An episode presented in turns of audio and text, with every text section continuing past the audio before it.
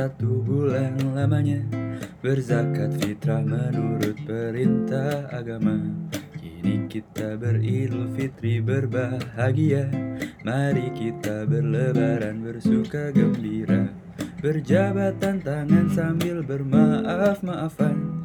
Hilang dendam habis marah di hari lebaran. Minal ain wal faizin. Maafkan lahir dan batin Selamat para pemimpin. Rakyatnya makmur terjamin. Minal ain wal faizin. Maafkan lahir dan batin. Selamat para pemimpin.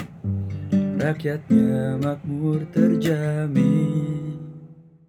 Yes, selamat Hari Raya Idul Fitri 1441 Hijriah ya. Minal aidin wal faizin, mohon maaf lahir dan batin.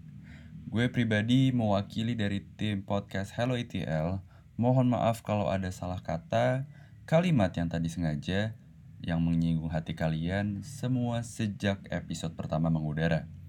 Senang sekali gue Dika bisa kembali menyapa kalian semua dalam suasana hari raya setelah hampir 30 hari berpuasa ya. Nah, gimana nih suasana lebaran kalian yang bisa dikatakan unik dibanding biasanya? Apakah sudah pada menghubungi orang tua atau sanak saudara yang tidak bisa kalian temui? Nah, buat yang belum tahu, Inilah tempat untuk bercerita, berkeluh kesah tentang keluarga, mau dari yang ringan, lucu, ataupun berat permasalahannya. Nah, sebagai bentuk rangkaian dalam menyambut Hari Raya Idul Fitri, episode kali ini khusus tentang mudik atau pulang kampung. Karena kita tahu yang namanya lebaran di Indonesia, khususnya di Jakarta, pasti identik dengan pulang kampung. Meski begitu, karena tahun ini situasinya berbeda, jadi kebanyakan dari kita hanya bisa di rumah dan tidak bertemu dengan para saudara yang berada di kampung halaman kita. Gue adalah salah satu orang yang terkena imbas dari situasi pandemi ini atas larangan pemerintah soal mudik atau pulang kampung. Karena setiap tahunnya, gue pasti akan selalu ke Bandung, sehingga ini adalah pertama kalinya gue lebaran di Jakarta sejak gue kelas 2 SD. Dan ini juga menjadi tahun kedua berturut-turut tidak bisa bertemu dengan kakek nenek gue pas hari raya, Mengingat tahun lalu, gue sedang berada di Madrid untuk melanjutkan pendidikan S2. Apakah gue sedih? Well jelas.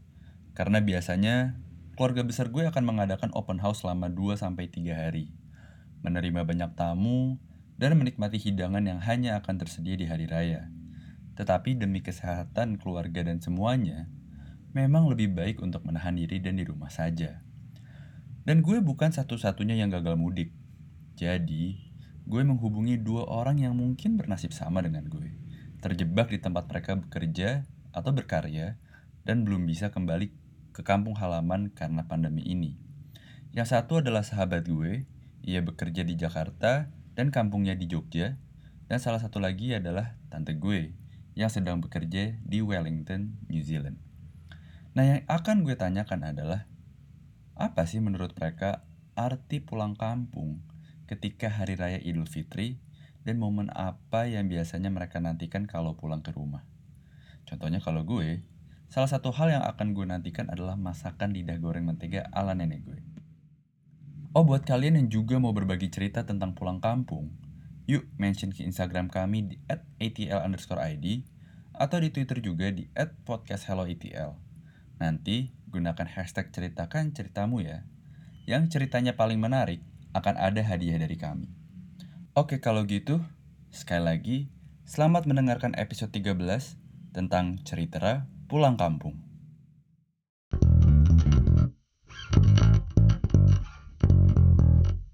Ya, kali ini gue sudah bersama salah satu sahabat gue bernama Atia. Halo. Hai, halo Dik. Halo, gimana kabarnya? Hai. Alhamdulillah sehat. Lu gimana lo? Ya, begini-begini aja gue. Standar. Standar ya kan kita kan lagi Gimana, ini gimana, kan. gimana, gimana? Lagi apa? Lagi PSBB kan. Iya, sekarang lagi PSBB sih. Ya udahlah, nikmatin aja deh. Nikmatin aja. Gak tau sampai kapan sih, cuman mm-mm, nikmatin aja udah. Gak apa-apa puasa-puasa ya kan. Biasanya bukber ngabisin duit ya kan sekarang mah enggak ditabung duitnya Aman lah ya pokoknya, tapi sampai hari ini aman ya. Insya Allah aman sih di apa ya ya berdoa aja lah semoga emang ini lebih baik aja Hmm. Eh, apa coba dong eh, lu cerita sedikit lah tentang di, tentang diri lu, mungkin juga profesinya apa, kerjanya di mana gitu. Oke, eh, halo gue Atia Kirana, gue bisa dipanggil Atia. Hmm, kesibukan gue sih sebenarnya kerja aja sih, lebih banyak meluangkan waktu untuk bekerja. Bukan yang kerja keras sih, cuman emang waktunya tersita buat bekerja karena kerjaan gue itu di salah satu televisi Indonesia Jakarta. Hmm. Terus dan ya emang cuman berprofesi sebagai anak bukan anak sih lebih keburu TV sebagai kreatif Heeh. gitu jadi emang waktu gue kebanyakan kerja sih tapi tapi kalau satu minggu gue lebih meluangkan waktu di di rumah di kosan sih lebih tepatnya Tapi tapi kalau misalnya Heeh. ada kalau nggak corona nih biasanya sabtu minggu gue meluangkan waktu untuk me time gitu aja Oh, nah yang gue tahu kan lu kan eh, kampungnya di Jogja nih ya, asli Jogja, Iya. bener ya? iya gue boleh apa boleh nggak sih lu cerita sedikit kayak tentang apa tentang kampung lo ini dan sesering apa sih lu pulang ke Jogja? Nah, ini nih pertanyaan bagus nih dik Jogja gue tuh asli Jogja gue rumah gue di Jogja hmm, sebenarnya kalau ditanyain seberapa sering ke rumah itu nggak sering-sering banget. Jadi gue tuh punya prinsip sih ketika jadi anak rantau pertama kali hmm, keterima di Jakarta. Gue selalu punya prinsip dan itu pesan bokap gue ke gue. Sebisa kamu punya waktu pulang ke rumah. Jangan jadi eh, anak rantau atau anak yang lupa sama rumah gitu. Jadi Hmm. eh, setiap gue punya waktu bisa pulang gue pulang Oke. even itu cuman kayak cuman sabtu minggu atau dua hari doang gitu. Ya udah gue akan akan lewatin itu gitu. Dan ini sedikit cerita sih. Gue tuh kalau pulang ke ke rumah ya ke Jogja itu eh, bisa bahkan ada gue pecahin rekor nih sebulan tuh ada tiga kali. Oh. jadi gue ambil sabtu minggu sabtu minggu sabtu minggu gitu.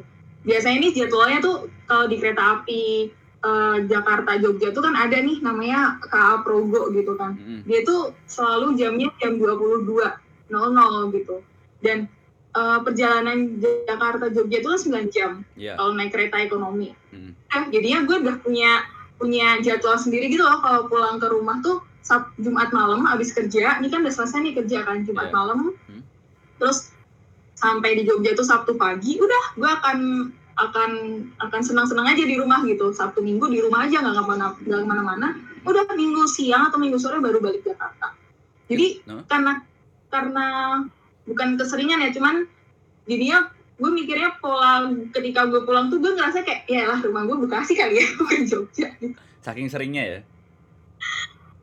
bukan saking seringnya jadi kayak udah punya pikiran gitu gitu loh. Walaupun nggak sering-sering banget bahkan eh, gue mencoba untuk pulang sebulan sekali sih sebenarnya Oh. kalau misalnya bisa pulang pulang gitu cuman pernah sih sebulan nggak pulang gitu pernah cuman hampir sebulan sekali tuh pasti gue pulang Itu yang lu bilang ke Aprogo itu memang berangkatnya dari Gambir. bukan dari Senen Oh, dari Senen. kan ekonomi Oh iya, saya lupa. Iya, jadi ya itu kebiasaan anak-anak ini sih anak-anak rantau sih kan di TV itu juga banyak yang anak rantau nggak cuma gue doang gitu Hmm. dan hampir hampir beberapa mikirnya juga sama gitu. Pokoknya kalau misalnya gue Sabtu Minggu libur dan bisa pulang, Hmm. pulang gitu. Hmm. Ya udah, itu sih jadinya kayak ke bawah aja gitu. Oke. Karena menurut gue tuh ya Hmm. eh, ya benar gitu loh kalau misalnya apa-apa tuh pasti akan rumah tuh kayak ngasih energi baru buat gue gitu. Ketika gue gitu ya. suntuk ketika gue bosen gitu kan Iya, ya iya. emang sih punya cara masing-masing gitu nah cara gue tuh salah satunya adalah ya di ke rumah pulang karena ketika gue pulang tuh ya gue kayaknya dapetin apa yang nggak gue dapetin di sana di maksudnya di Jakarta gitu bener. gitu sih Tuh, lu selama Dan di, di Jakarta nge- ngekos sendiri? gue ngekos sendiri Oke. Jadi makanya gue ngekos sendiri dan Hmm. ya gue tahu sih maksudnya kayak eh, teman-teman gue banyak yang di sini juga gitu di Jakarta juga gitu kan Mhm. eh apa namanya tunggu tunggu kalau di Jakarta itu ya emang teman-temannya banyak cuman gue selalu kayak mikir dua kali di rumah sih duh nyokap bokap lagi ngapain ya gitu Mhm. terus eh, ya itu sih gue cuman pengen kasih energi aja buat diri gue dengan cara ya ya gue pulang gitu. Walaupun kadang sering diledekin sih balik terus nih balik terus nih kayak gitu. Naik kereta api aja cuman 125 atau enggak 150 itu itu aja gue udah punya maksudnya tabungan sendiri gitu. Harus pulang ya, maksimal segini aja duitnya Ya, gitu ya, kan. Ya. kalau misalnya lebih dari itu gue akan nyari peluang lagi maksudnya peluang waktu lain gitu kan. Hmm. jadi nggak nggak harus dipaksain kalau misalnya nggak ada tiket uh, misalnya tiket tiket ekonomi yang murah nggak ada gitu Hmm. ya gue nggak akan paksain itu juga gitu Oh. beda deh nanti aja gitu Tapi lu pernah ke Jogja? fleksibel Pulang ke Jogja naik pesawat pernah pernah tapi gue seringnya pas lebaran kalau naik pesawat tuh Nah, apa sih yang membedakan Iya. lu pulang di hari bulan-bulan biasa dengan ketika lebaran? Em, suasana sih sebenarnya karena Hah?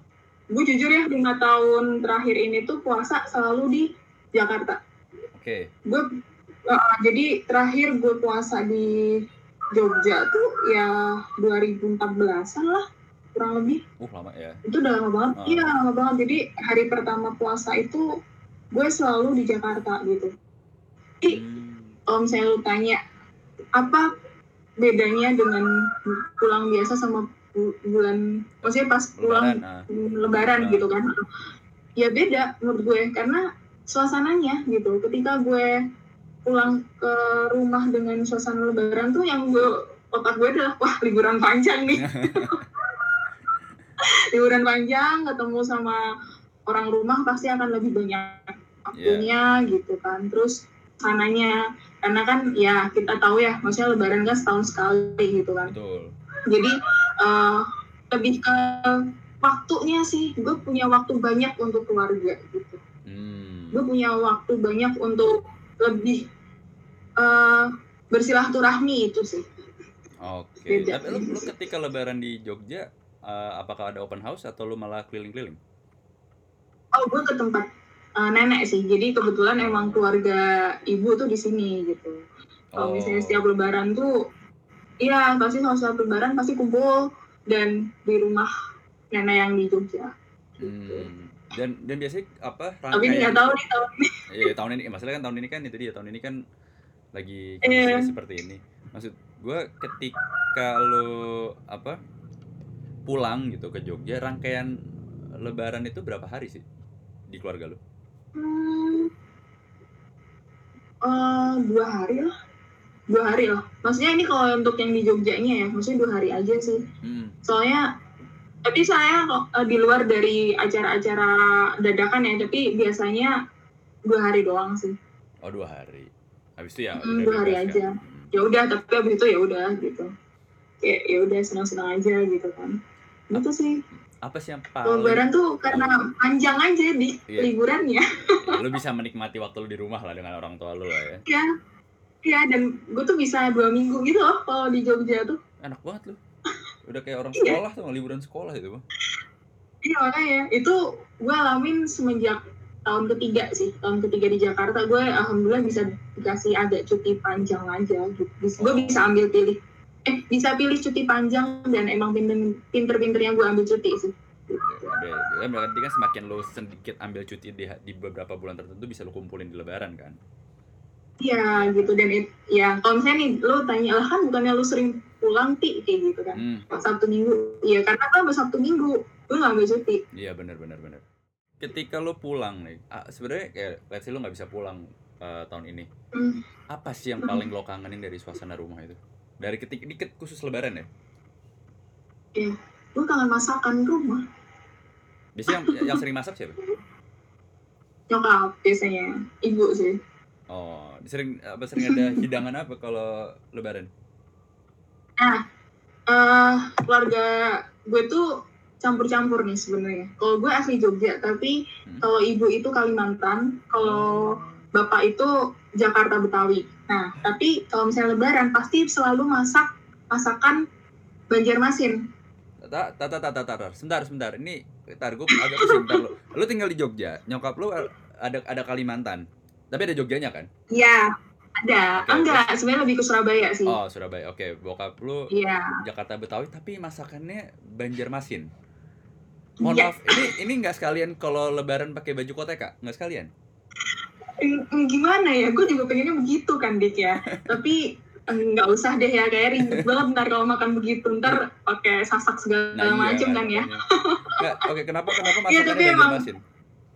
Iya, jadi itu udah jadi ad- eh, apa namanya kebiasaan sih karena Hmm? keluarga ibu itu hampir semuanya eh masih masih ada nih gue manggilnya nenek sama kai kai itu kayak kakek sebenarnya Hmm. nah naik nenek sama kai itu masih ada dan mereka dua-duanya orang Kalimantan Oh. jadi orang Banjar jadi kalau misalnya Lebaran Hmm. ya kita masaknya masak masak soto Banjar gitu, Wow. soto santan Banjar gitu, terus masakan-masakan makan-makannya masak-masakan Kalimantan semua gitu. Jadi emang lebih banyak ke situ sih karena keluarga ya itu karena uh, ibu dari eh orang tua dari ibu gue itu masih ada gitu, Hmm. adanya masih di situ.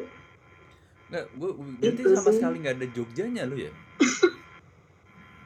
Hanya, Eh, iya karena hanya Jogjanya sebenarnya karena gue Hmm. tinggal di Jogja lahir di Jogja aja sih cuman keluarga gue ya itu rata-rata emang bukan orang Jogja orang Surabaya campuran Banjar yang satunya Jakarta campuran Padang hmm, mampus kan lu Wow, sangat gado-gado ya. Ini sangat Indonesia sekali. Ini gue tahu. iya tapi kalau misalnya gue lebaran iya tapi btw misalnya gue lebaran di Jakarta ya kebetulan kebetulan ada sih keluarga di Jakarta juga itu dari keluarga uh, bapak gitu tapi kalau misalnya gue ikutan lebaran yang di Jakarta Hmm. keluarganya bapak itu gue masakannya masakan Padang Wah, pusing sih gue. Terus terus terus terus terus. Tapi gue karena sering lebaran di Jogja Hmm. jadinya ya gue pasti akan selalu menikmati masakan-masakan Banjar gitu. I see. Wow, jadi masakan nyokap. itu yang gue kangenin iya Wow. ya masakan nyokap sih makanan makanan makanan yang kayak gitu yang gue kangenin karena kebiasaan jadinya Lu nggak minta dikirimin apa? Sama nyokap pas lagi suas apa lagi kondisi begini? nah gimana ya pengen gitu tapi mohon maaf nih pak kan masakan ya pak ya Ya iya sih. Ah, iya sih. gue takutnya iya gue takutnya nggak sesuai ekspektasi gitu loh jadi ya udahlah gue mah ya udahlah gitu gak apa-apa lah Bismillah aja lah moga apa ya ya gue yakin pasti gue akan pulang kok nanti Nah, Ti, eh menurut lu apa arti pulang kampung? um, gue tuh susah nih mengartikan gimana tapi yang jelas kalau bagi gue tuh pulang kampung tuh buat gue kebahagiaan yang nggak bisa diukur sih ketika gue pulang rumah tuh ya gue pasti akan ya itu tadi yang gue pernah bilang energi yang gue nggak dapet di Jakarta gue bisa dapet di rumah gitu karena gimana pun lu pergi ke mana pun lu pasti akan pulang ke rumah gimana pun caranya see. Tapi kan maksud maksud gue kan paling dengan adanya teknologi lah ya. Lu masih bisa kontak Iya sama dengan mereka adanya kan? teknologi ya alhamdulillah iya iya dipilih. Gue masih bisa komunikasi ya minimal video call kan lah. Dan sekarang udah banyak cara kan.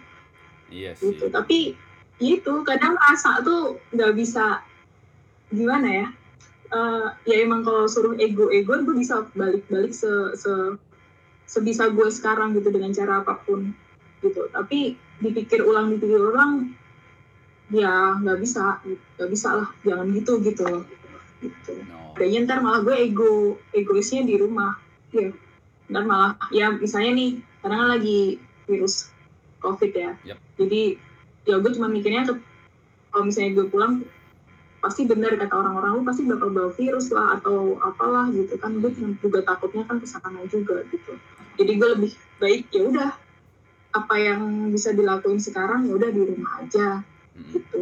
Oh juga eh, cuti gue juga, maksudnya kan pemerintah juga ngasih tahu kalau cuti bakal dikasih ke akhir tahun kan gitu. Kata, Jadi katanya diubah ya lagi bukan? Gak apa-apa. Bukannya diubah lagi? Iya gue kurang tahu deh.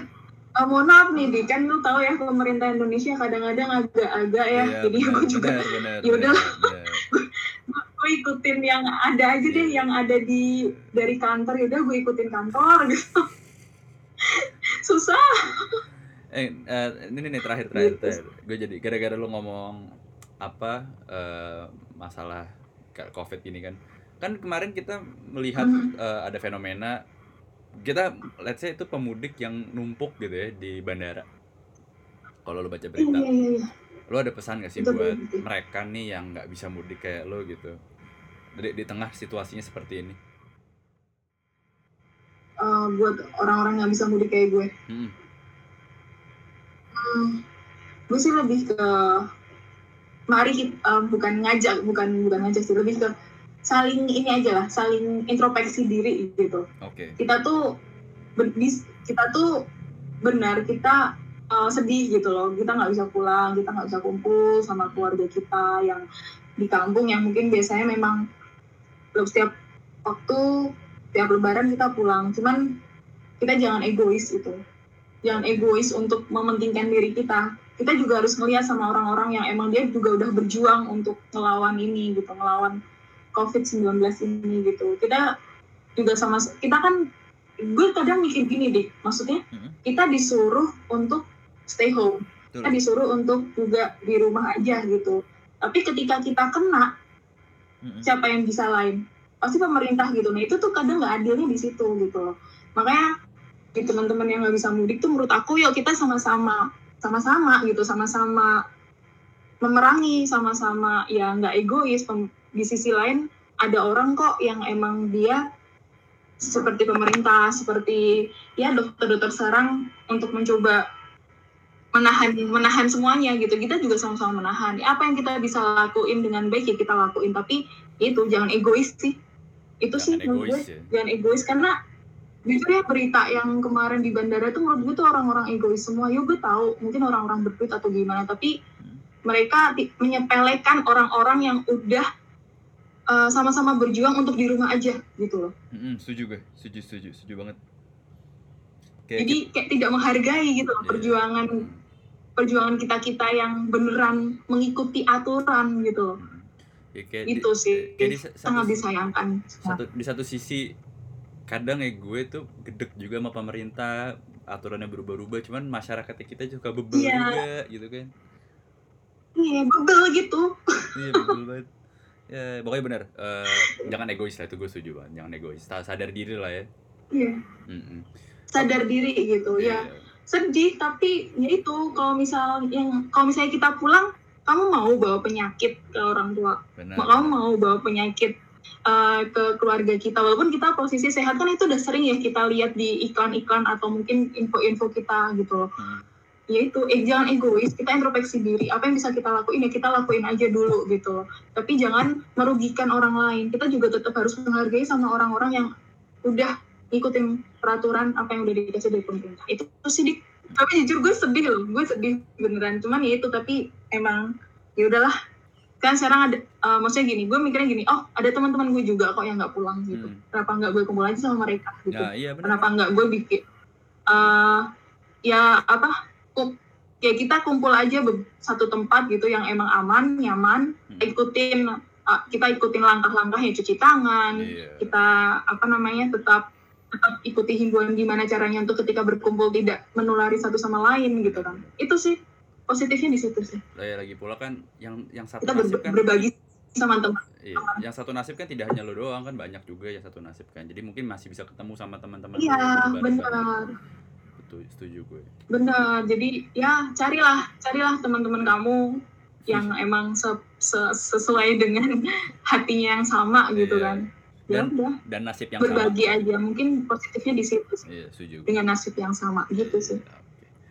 Ti, thank you banget sudah bersedia bercerita Ya. tentang pulang kampung bersama gue. Semoga Ya, semuanya aman. Ya, tapi gue sen- ya sen- ya amin seneng sih gue bisa cerita gini bisa semoga bisa apa ya saling saling berbagi aja sama teman-teman yang lain Betul. Ya, Pokoknya biar yang lain juga mungkin yang nggak bisa pulang kampung juga berasa oh ya saya tidak sendirian gitu loh. iya kamu tidak sendiri teman-teman saya juga Iya, salah satu korban. ya udah Oke, satu kurang ya udah thank you banget Ti. Oke semuanya. Dik, thank you Jaga ya. Sama-sama. Lu sehat-sehat terus juga ya. Siap, siap. Oke.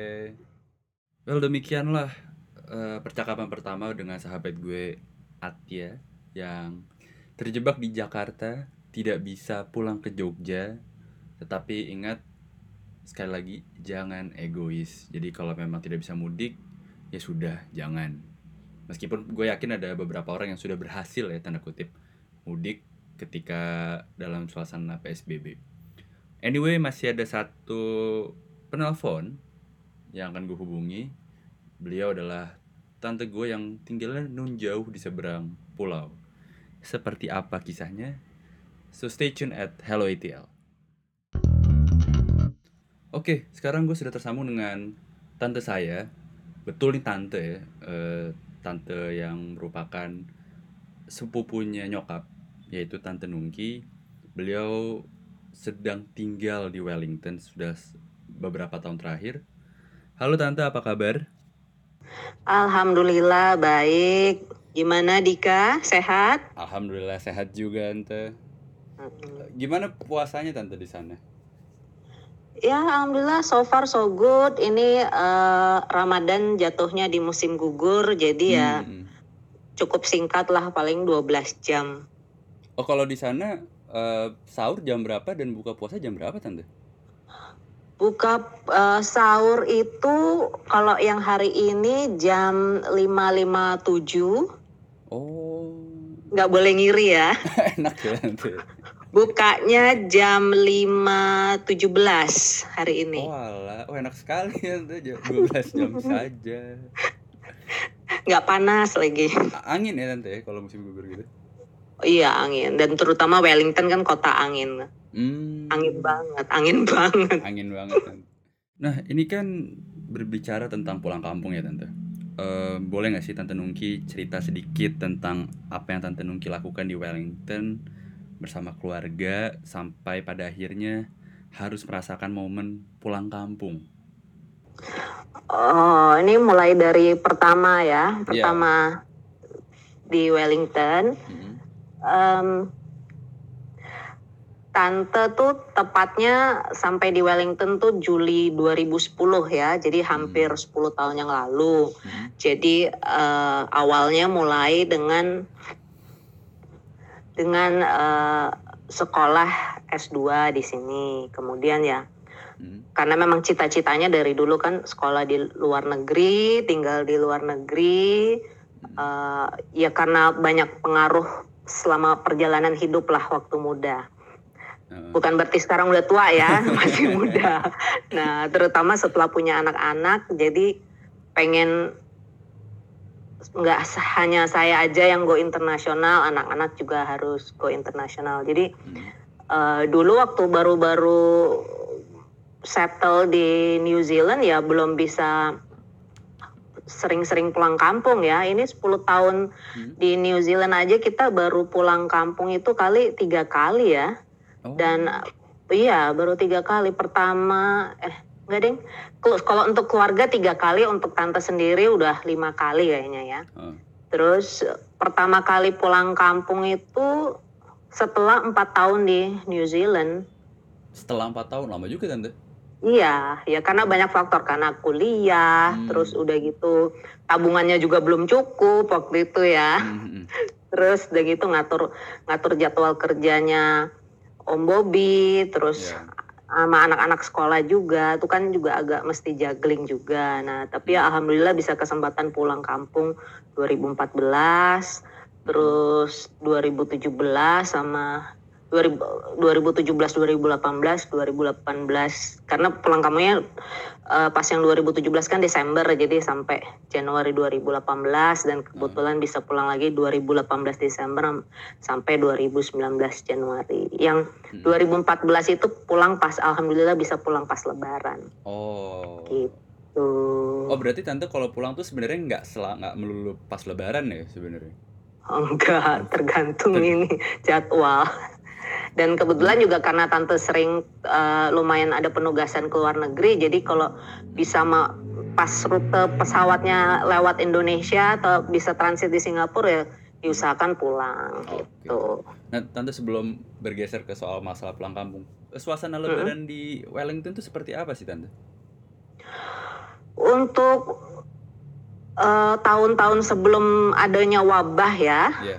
Untuk masa-masa masih normal dulu Hmm. ya lumayan ram lumayan rame ya di komunitas komunitas Islam Indonesia Hmm. di komunitas Islam secara umum juga lumayan jadi kita pasti eh, kalau yang komunitas Islam Indonesia di Wellington kita selalu mengadakan eh, sholat id Hmm. habis sholat id terus udah gitu ada eh, halal bihalal jadi kita bikin acara makan-makan perlombaan segala macem Hmm. terus udah gitu biasanya dari kedutaan juga mereka juga ada kayak open house untuk halal bihalal gitu nah nanti biasanya kita juga kan punya banyak teman tuh dari komunitas Islam yang non Indonesia Hmm. kita juga kumpul di di acara mereka atau diundang ke rumah-rumah mereka juga begitu saling mengunjungi ya mirip-mirip dengan di Indonesia lah apa saling Oke. mengunjunginya cuman cuman kan karena nggak libur jadi kita harus ambil cuti Oh.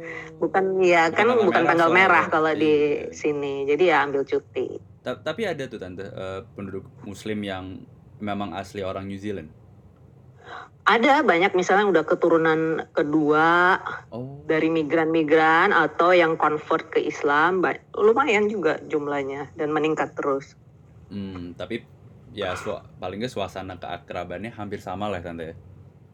ya ya bedanya kalau diundang ke yang non Indonesia ya nggak ada ketupat gitu makanan tradisional negara asal negara mereka Nah tante balik lagi ke soal pulang kampung. Boleh nggak sih diceritain sedikit tante jarak tempuh dari Wellington ke Jakarta, berapa lama perjalanannya, terus mungkin menggunakan maskapai apa gitu.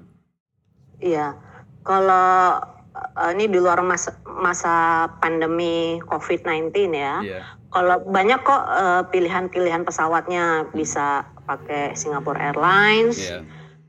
Kalau pakai SQ itu dari eh, Wellington, Melbourne, SQ, eh, Singapura, Jakarta. Terus Hmm. kalau nggak pakai Qantas juga bisa lewat. Hmm. Kalau dari Wellington lewat Sydney langsung Jakarta. Atau juga pakai Jetstar. Ada juga Garuda Indonesia, tapi mereka eh, tidak sepanjang tahun. Kalau nggak salah Garuda Indonesia itu beroperasi hanya dari bulan Mei sampai Oktober. Gitu. Tapi mereka Hmm. dari Auckland terbangnya Oh. nggak dari Wellington. Jadi kalau misalnya dari Wellington ya harus terbang ke Auckland dulu. Oh dua kali. Oh dua kali pesawat ya tante. Mm-mm. Mm-mm. Oh. Jadi ke domestik dulu, aku ke dari Wellington ke Auckland, baru yang penerbangan internasional. Kalau tante sih biasanya kalau eh, pe- kalau pulang kampung sama keluarga itu ya Hmm. naiknya naik Qantas, kita transit di Sydney. Jadi dari Wellington ke Sydney itu kira-kira tiga jaman ya, tiga jam lebih. Hmm. Terus kemudian dari Sydney Jakarta antara sekitar enam setengah jam kalau nggak Oh. salah. Jauh juga ya tante ya. Jauh di ujung Jauh. dunia. Ih, jauh banget tante nggak nggak dikira kayak cuma sekali pesawat aja gitu nyata enggak ya harus ke Sydney Enggak. Iya, iya. nah tante a- apa sih menurut tante arti pulang kampung khususnya ketika lebaran ya Arti pulang kampung itu kalau tante ya itu kembali ke asal ya. hmm. Eh, menyusuri menyusuri kembali kenangan-kenangan yang dulu. Hmm. Terus udah gitu pastinya menjalin silaturahmi Hmm. terutama kan orang tua dan betul. eh, keluarga besar dan teman-teman. Hmm. Terus dia gitu juga pulang kampung tuh buat tante itu mengenalkan anak-anak bahwa mengingatkan ya sebetulnya mengingatkan anak-anak bahwa mereka itu aslinya dari Indonesia kan mereka Hmm. lahir di Indonesia tapi besarnya kan di sini Hmm. supaya mereka tuh nggak lupa Hmm. bahwa tuh asal mereka dari Indonesia dan mereka Iya. tuh tetap kenal dengan saudara-saudaranya jangan sampai itu terjadi putus hubungan antar saudara Hmm. terus udah gitu juga kembali eh, eh, apa ya me- mengenalkan nilai-nilai Indonesia. Jangan sampai tuh mereka lupa jangan sampai terlalu eh, kiwi banget maunya. Tante ya anak-anak tuh ya Indonesian kiwi gitu Indonesian New Zealander gitu Kiwi. jadi dapat nilai dua-duanya gitu nilai Indonesia dan nilai nilai New Zealandnya nilai kiwinya gitu jadi biar balance jadi salah satu tujuannya pulang kampung yaitu supaya anak-anak tuh Hmm. familiar dengan keluarganya, akrab dengan keluarganya gitu loh. Tapi kan dengan nggak seringnya tante untuk pulang kampung itu pulang ke Indonesia itu bagaimana menegalnya tante untuk apalagi untuk anak-anak gitu ya salah satunya salah satu caranya alhamdulillah dengan kecanggihan teknologi Hmm.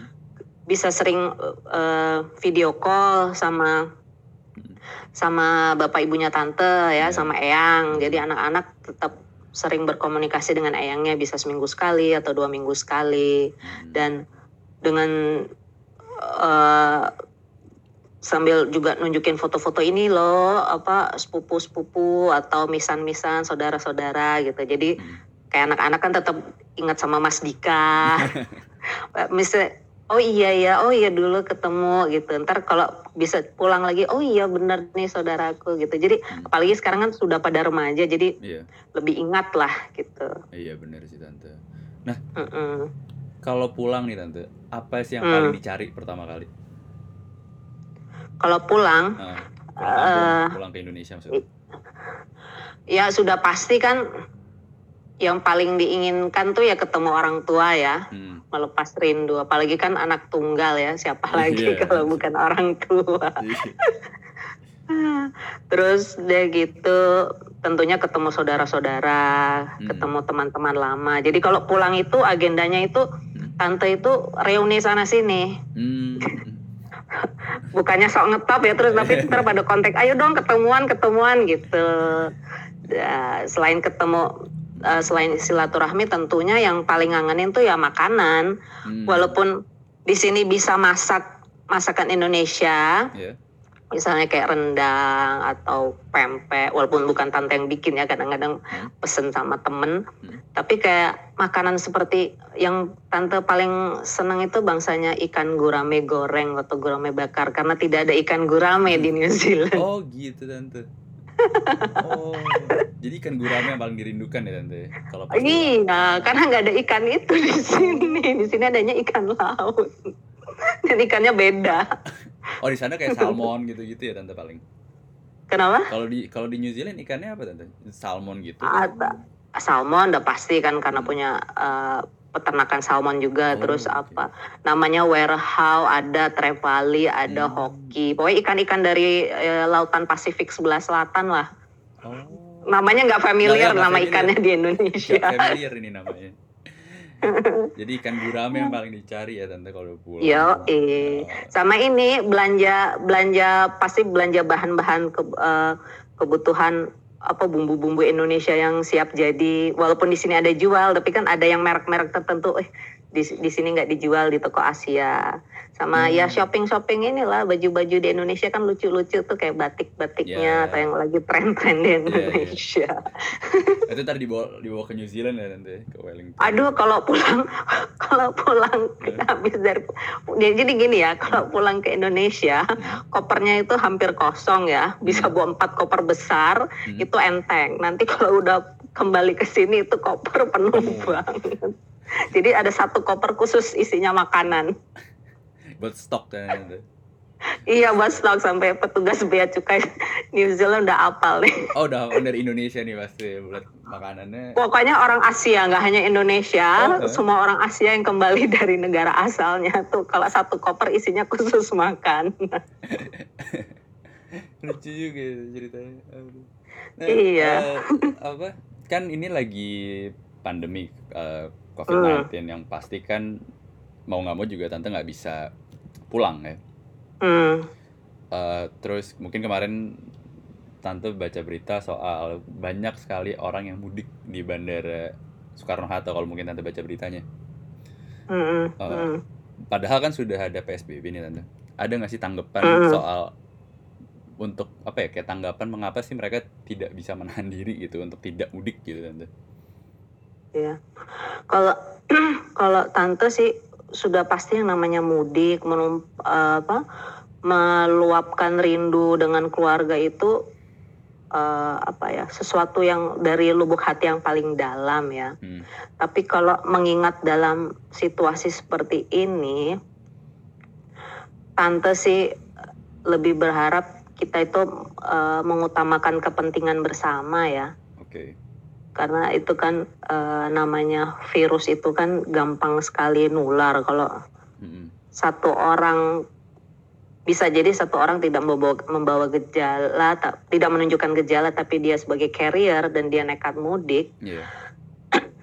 bisa kan menularkan orang-orang yang di kampungnya. Jadi eh, tentu kita sedih ya nggak bisa pulang, tapi akan lebih baik lagi kalau kita mengutamakan kepentingan bersama. Jadi ya menahan diri untuk sementara waktu lah. Ya kita pasti sedih ya nggak bisa pulang tante kayak tante gitu, nggak usah ada pandemi, nggak bisa pulang karena hal-hal lain itu aja kan Mm-mm. sedih banget gitu kan selalu teringat orang tua selalu teringat keluarga tapi kalau ada hal yang lebih besar yang sebaiknya diutamakan ya kita berkorban sebentar aja berkorban, berkorban sedikit aja Mm-mm. Nggak ada ruginya kok untuk kita gitu loh Iya, Men- iya. mendelay aja waktunya Mm-mm. gitu Jadi mungkin tante ada pesan buat mereka yang tidak berhasil mudik.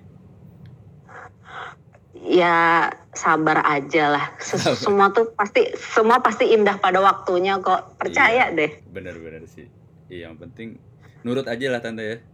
Mm-mm, nurut aja untuk kepentingan bersama juga kok. Mm-mm. Jangan sampai malah kita mengorbankan keluarga yang di kampung halaman. Iya bener kan. Udah ntar tahu-tahu malah malah kena aja pas pulang kan. Iya, iya, kasihan malah lebih gawat nanti. Malah nyeselnya itu bakalan seumur hidup. Iya bener. Oke tante. Aku Iya. Terima kasih buat waktunya. Maaf ganggu Sama-sama. Dika. Salam buat Om Bobi, Raihan sama Naila. Iya, ntar insya Allah disampaikan. Iya, siap. Terima kasih ya tante ya. Salam. Yuk, bye-bye. Bye.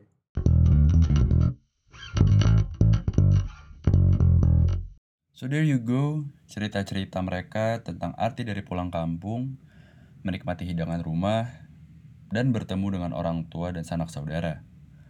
Meski begitu, mereka tetap menghimbau kepada kita untuk saling sabar dan menahan diri demi keselamatan dan kesehatan orang banyak. Nah, terima kasih yang sudah mendengarkan episode 13 ini. Kita akan kembali bertemu Senin depan di topik-topik tentang keluarga yang menarik lainnya.